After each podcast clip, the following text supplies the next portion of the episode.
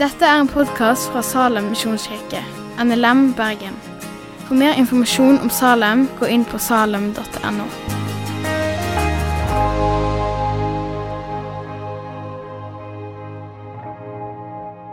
God lørdag, alle sammen. Og god allehelgensaften. Jeg håper dere har rukket å finne dere kaffe, og at eh, nå ser folk er eh, Ja, så si alle sitter. Jeg heter altså Åshild, for de som ikke kjenner meg. Men jeg syns jo selv at jeg kjenner en god del som går her på lørdagsmøtet. For jeg har faktisk gått her nå i Jeg er på mitt sjette år, faktisk. Så det Jeg har jo rukket å bli godt kjent her. Vært så heldig å få ha Salem som mitt åndelige hjem de åra jeg har vært her i Bergen. Og det er jeg veldig takknemlig for. Så hvis du ennå ikke er helt bestemt deg for om Salem er stedet du vil gå, så um, kan jeg varmt anbefale dette her som uh, kirke. Mm. Um, og uh, utenom at jeg går her, da, så studerer jeg til å bli tannlege faktisk, siste året. Så jeg har faktisk vært på studietur denne uka her med klassen. Landa på Flesland for um, ja, nesten nei, fem, seks, syv, åtte ja, tre timer siden. Og alle flya gikk helt liksom, Alt gikk på skinner i dag. Alt fra Uberen midt på natta til flyet fra Lisboa videre hit.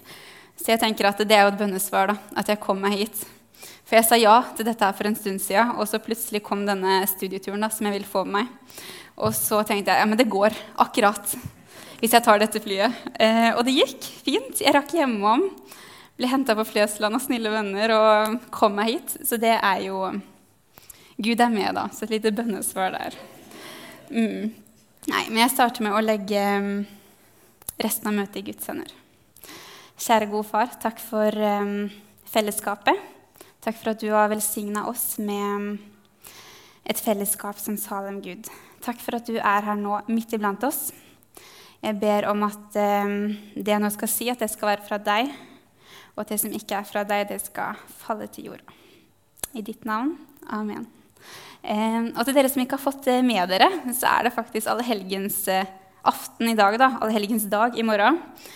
Um, og så Sist helg så kan det være at mange av dere feira halloween.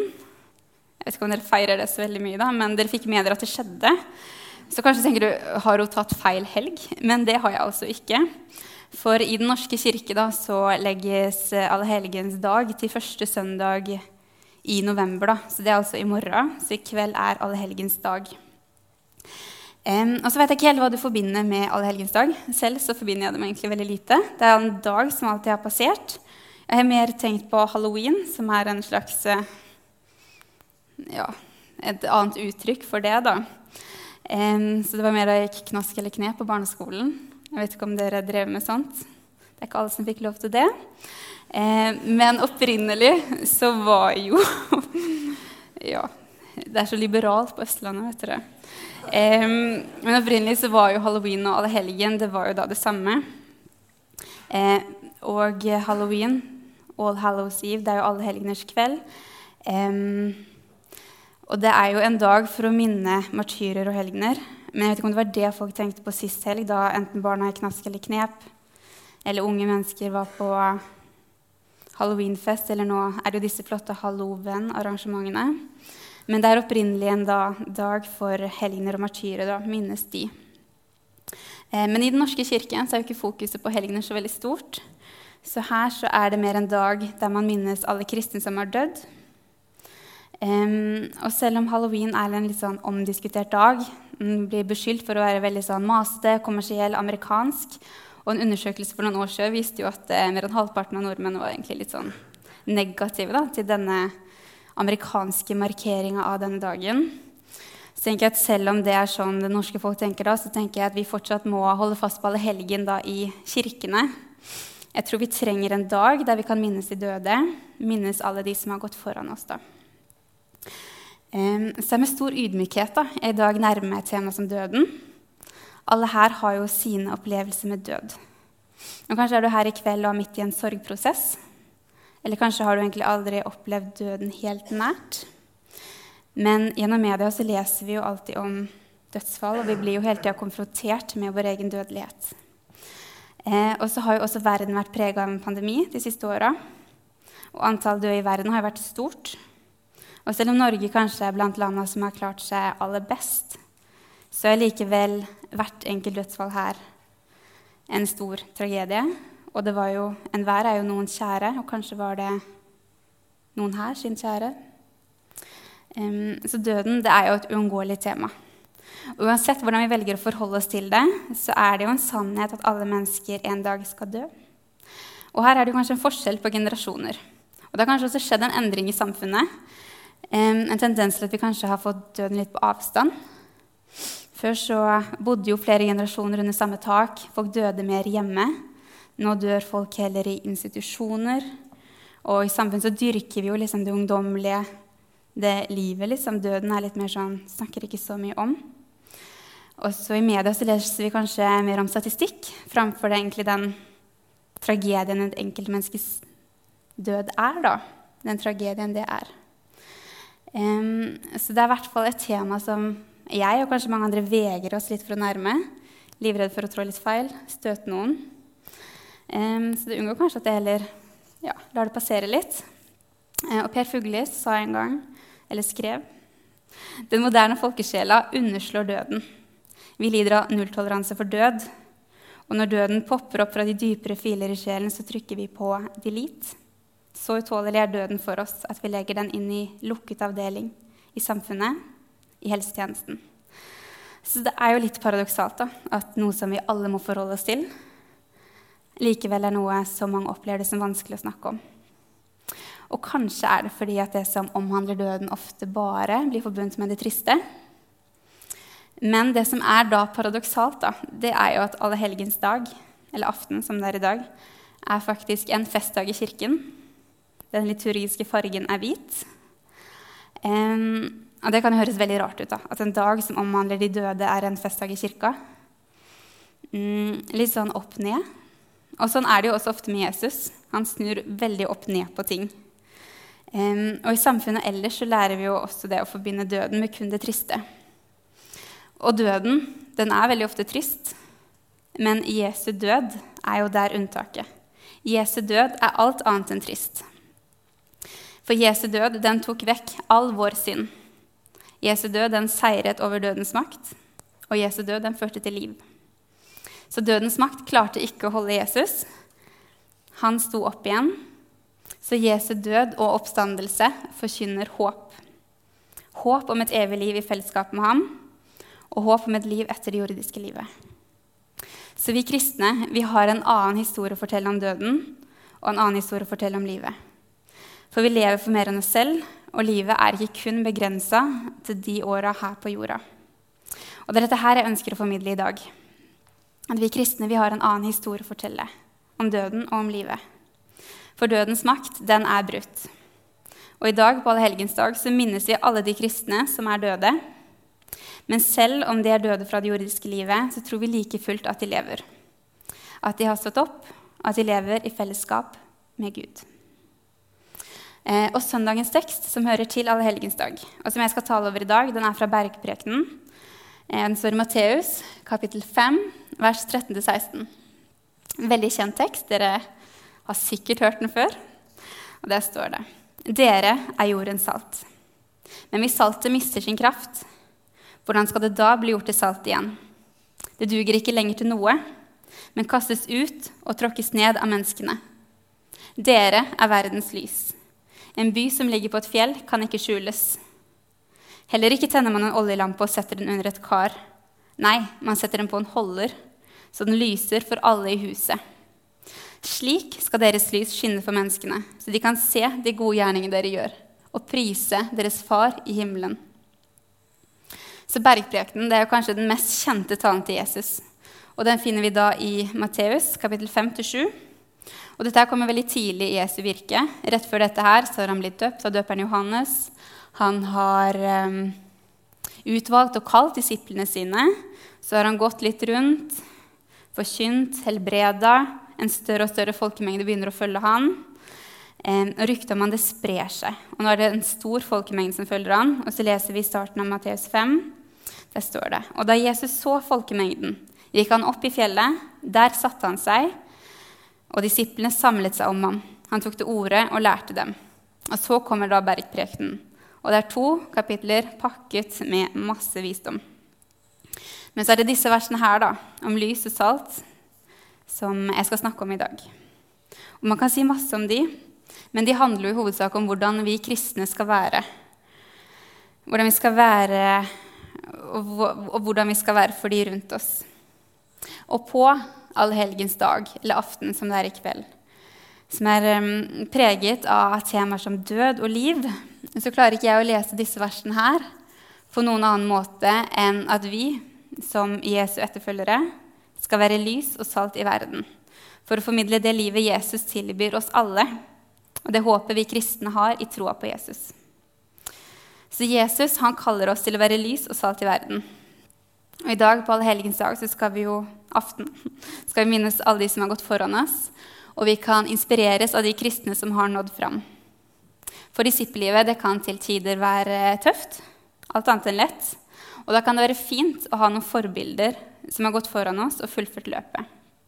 Og helgendyrkelsen står ikke så veldig sterkt i våre sammenhenger. Men i den katolske kirke så handler jo dagen om å minnes alle helgenene som ikke har sin egen merkedag. De, de feirer man i dag. eller de feirer jo faktisk på selve dagen, da. Uh, og nå er jeg ingen ekspert på helgener, men det er i hvert fall kristne som har satt spor etter seg.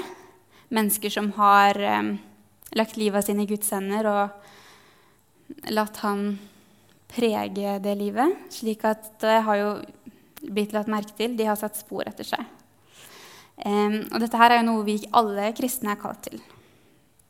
Og Dagens vers fra Bergprekenen handler jo også om dette. For når Jesus sier 'dere er jordens salt', og 'dere er verdens lys', så sier han at det skal merkes at vi er hans disipler. For livene våre skal ha en påvirkning på omgivelsene. Dere er jordens salt. Men hvis saltet mister sin kraft, hvordan skal det da bli gjort til salt igjen? Det duger ikke lenger til noe, men kastes ut og tråkkes ned av menneskene. Dere er verdens lys. En by som ligger på et fjell, kan ikke skjules. Heller ikke tenner man en oljelampe og setter den under et kar. Nei, man setter den på en holder, så den lyser for alle i huset. Slik skal deres lys skinne for menneskene, så de kan se de gode gjerningene dere gjør, og prise deres Far i himmelen. Så dere er jordens salt. Saltet det forsterker smak, det bevarer mat, og det hindrer forråtnelse. Så saltet har altså en positiv effekt. Og Jesus sier at vi er verdens salt. Så vårt liv skal altså ha noe positivt å si for omgivelsene våre. Men like etterpå så advarer jo Jesus. Men hvis saltet mister sin kraft, hvordan skal det da bli gjort til salt igjen? Det duger jo ikke lenger til noe, men kastes ut og tråkkes ned av menneskene. Så Jesus snakker jo ikke kun om saltets positive funksjon, men muligheten til svik og frafall. Det kan jo ses på som en alvorlig formaning for det skal være noe annerledes med oss kristne. Det skal, og det, mange vil oppleve det at det koster å følge Jesus. Og det er jo mange av de som har gått foran oss, eksempler på. Det er jo mange som har lidd eh, martyrdøden opp igjennom. Og I Norge så kan man jo si at det kanskje blir tøffere å være kristen. Og mange av meningene Flere har blitt jo stempla som veldig politisk ukorrekte, mens i andre deler av verden så blir man jo faktisk forfulgt for livet. Og salt det er også en rensende funksjon. Men når sår blir rensa med salt, da svir det jo. Det er derfor man sier 'strø salt i såret'. Og disse små, hvite saltkrystallene de må ikke forveksles med sukkerkrystaller. For vi er ikke kalt til å være sukker. Vi skal ikke forkynne et forenkla budskap om en kjærlig Gud. Eh, for det budskapet vil jo ikke holde når det stormer i livet. Så vi må forkynne sant om Gud. Og iblant så kan formanende ord det kan svi litt. Um, og Nylig har jeg lest en bibelleseplan med noen venner, og da har vi nettopp lest evangeliene. Og Jesus han møter jo menneskene med kjærlighet, ja, men han er jo også beinhard. Så det kan svi litt når jeg leser om hvor direkte Jesus var med disiplene sine og menneskene han møter. For Jesus han krever alt. Og det svir da fordi at eh, jeg på ingen måte strekker til. Og det, det koster å følge Jesus. Og det er noe flere av de kristne vi minnes i dag, har kjent på. Men eh, jeg tør likevel å si med frimodighet at eh, samtlige som har fullført løpet, vil si at det var verdt det. Og salt det er også den funksjonen at det gjør oss tørste. Og jo mer vi får i oss, jo mer tørste blir vi. Og slik skal det også være med Jesus. Når vi først får en smak av ham, da ønsker vi mer. Eh, og jeg har på ingen måte erfart alt et liv med Jesus har å by på, men jeg har fått glimt. Og jeg tror jeg fortsatt har masse uoppdaga i vente i livet med Jesus. Og jeg ønsker å se mer av hva han har for meg. Og salt er også en smaksforsterker. Vi kjenner jo alle noen som salter maten litt masse. Gjerne før de har smakt på den. Eller hva, Lydia? um, så salt er en smaksforsterker. Um, og livet med Jesus, det gjør livet rikere. Ikke nødvendigvis lettere, enklere eller fritt for lidelse og sorg, men rikere. Og det er jo klart at han som sier 'Jeg er veien, sannheten og livet', det er klart at han har det beste livet å tilby. Han er jo selve livet. Og vi må heller ikke glemme at livet ikke kun begrenses til de åra her på jorda. Jesus sier også 'Dere er verdens lys'. Og lyset er noe positivt. Det står for eh, frelse, fred og lykke, i motsetning til mørke, som står for eh, død og mismot.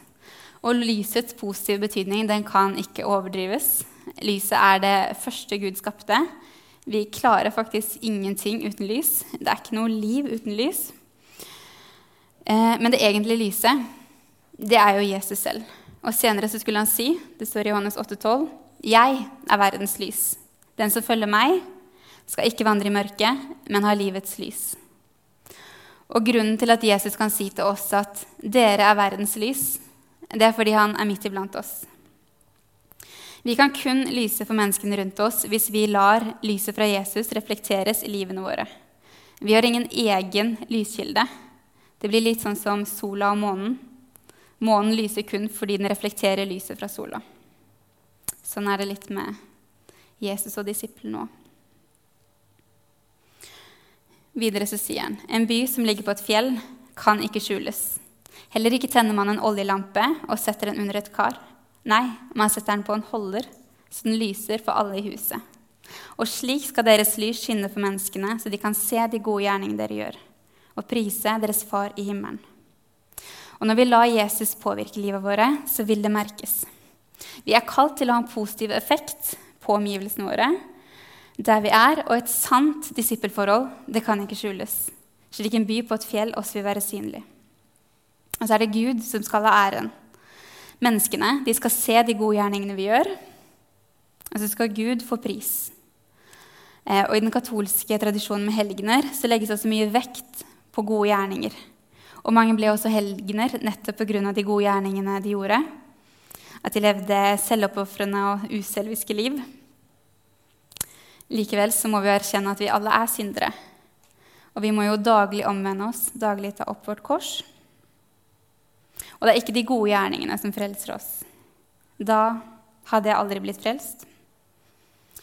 Men vi skal få lov til å bekjenne våre synder. Vi skal få lov å be om tilgivelse. Både til Gud og menneskene rundt oss. Og det kan være vondt og iblant ydmykende å innrømme feil. Kan oppleves som et nederlag. Mm. Noen ganger kan det være lettere å bare unnskylde, la det passere, late som ingenting. Den farligste synden er jo den man unnskylder, da, eller kanskje nettopp glemmer, slutter å se på som synd. Men å be om tilgivelse det kan være et vitnesbyrd for de rundt oss. For det vitner om Jesus, som kaller syndere for sine venner. Han tar imot oss igjen og igjen. Og i Bibelen så er lyset ofte et symbol på sannhet. Og derfor bør jo en disippels skinnende lys også inkludere et, et vitnesbyrd, forkynnelse, evangelisering. Så i et sant disippelliv så burde jo disse gode gjerningene gå sammen med en forkynnende tale, da. Hånd i hånd. Og hva er det vi egentlig vitner om? Hvorfor er det egentlig så viktig? Jo, vi vitner om sannheten, for vi kjenner sannheten. Og vi har en annen historie å fortelle om livet og om døden enn den historien som verden kjenner til. Og vi tror på Han som sier, 'Jeg er oppstandelsen og livet.' 'Den som tror på meg, skal leve om han enn dør.' Johannes 11, 25. Og Gud han ønsker at alle skal bli frelst. Og det er en klisjé å si, men Gud elsker alle. Gud elsker deg. Eh, og Gud kjenner oss, og han ønsker at vi skal bli kjent med ham tilbake. Og til deg som kjenner han, så vil han at du skal bli enda bedre kjent med han. Så jeg har nå prøvd da, å formidle at vi kristne vi har et helt fantastisk budskap å dele. Vitnesbyrdet om at døden den er ikke nødvendigvis slutten. Og når vi velger å gi livene våre til Gud, når vi velger å la Ham påvirke oss, slik at vi er lys og salt i møte med andre mennesker, kanskje kan det være med på at flere kan få et glimt av Gud, slik at også de kan bli kjent med Ham. Et lite såkorn eller litt vanning, men så er det Gud som skal gi vekst. Og alle helgens dag, det er jo en festdag i kirken. Og samtidig som vi minnes de døde, minnes alt det gode som vi husker dem for, og takker for inspirasjon, for billedlighet. Samtidig så kan det jo være mange vonde følelser. Og I møte med døden så blir det også tydelig hvor hjelpeløse vi mennesker er. Hvor svake vi egentlig er. Vi mennesker vi liker å ha kontrollen. Eller iallfall tro at vi har kontroll.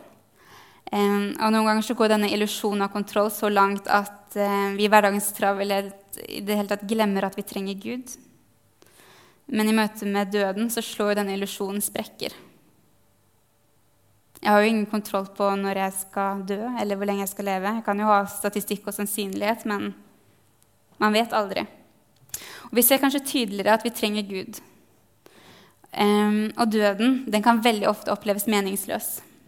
Vi mennesker vi ønsker å leve. Og kanskje har det noe å gjøre med at vi en gang var skapt til et evig liv og evig fellesskap med Gud i Edens hage. Og så kom syndefallet, og så kom døden inn i verden. Men det var ikke slik det egentlig var tenkt.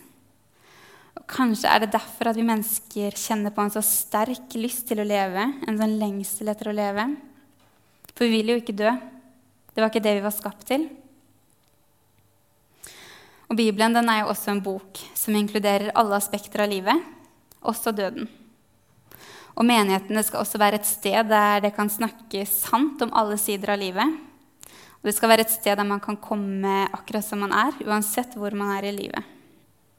Og Derfor er det fint at en dag som allhelgensdag markeres. Og med døden så er det også naturlig med sorg. Ikke misforstå meg på det, selv om jeg snakker mye om håp.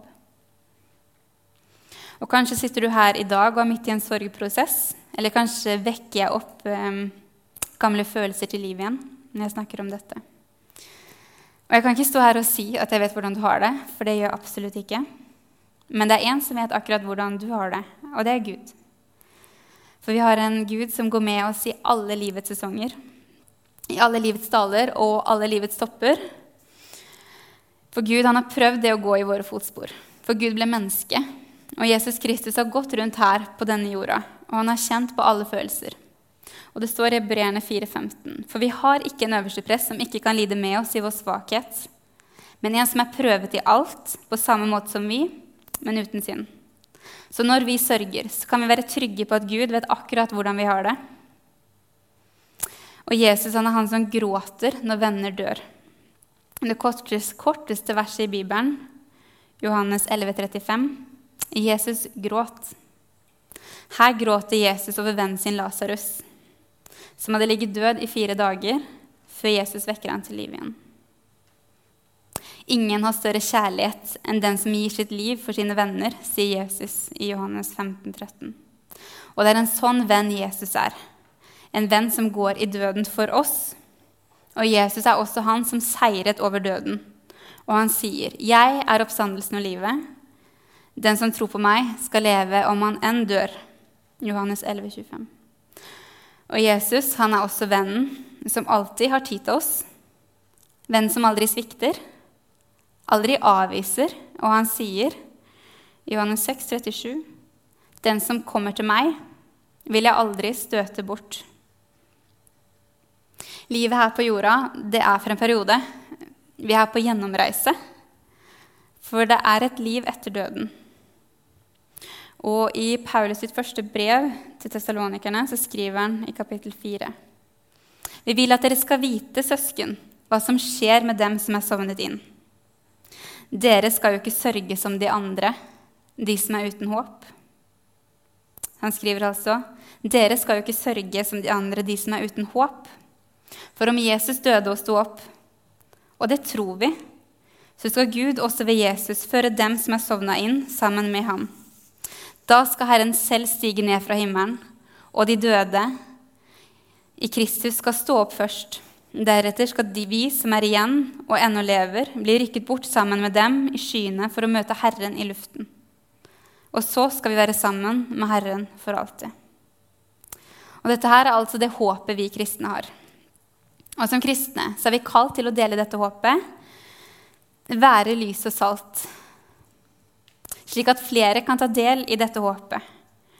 Og da er det jo håpet om et liv etter døden, der vi kan møte igjen de kristne som er gått foran oss, og der vi kan være sammen med Herren for alltid. Og I dag så skal vi også feire nattverd sammen. Eh, og her i Salem, til dere som har vært her før, så vet dere at vi står jo i en halvsirkel når vi mottar elementene. Eh, og den ufullstendige halvsirkelen det er jo et symbol på alle de som har gått foran oss, de vi minnes i dag. Og en dag så skal jo sirkelen igjen bli fullstendig, når vi alle sammen samles i himmelen igjen. Altså Lystenning det er en veldig typisk tradisjon på allhelgensaften. Jeg har jo nettopp vært i et katolsk land. Så etter nattverden så vil det også bli mulighet for å tenne lys. Så det står her på sidene. Og da kan du gjøre det etter du har gått til nattvær, Så bare fortsetter du til siden og tenner et lys. Um, da kan du gjerne tenne et lys for en du tenker på som er død. Eller så kan du gjerne tenne et lys for en du kjenner som ennå ikke er kristen. En som ennå ikke har fått ta del i det håpet vi bærer. Kjære gode far, takk for at du er midt iblant oss. Takk at du ser hver enkelt av oss og ser hva, hva hver enkelt person her står i Gud. Må du gi trøst til de personene som sørger Gud. Må du gi håp til de som er motløse, og må du glede deg med den som gleder seg, Gud. Må du gi hver enkelt akkurat det de trenger, Gud. Og takk at du er verdens lys, at du er lyset. Hjelp oss å skinne for menneskene rundt oss, Gud. Hjelp oss å være lysets salt. I ditt navn. Amen. Takk for at du har hørt på podkasten fra Salem, Bergen. I Salem vil vi vinne, bevare, utruste og sende, til Guds ære. Vi ønsker å se mennesker finne fellesskap, møte Jesus og bli disippelgjort her i Bergen og i resten av verden. Vil du vite mer om oss, gå inn på salem.no.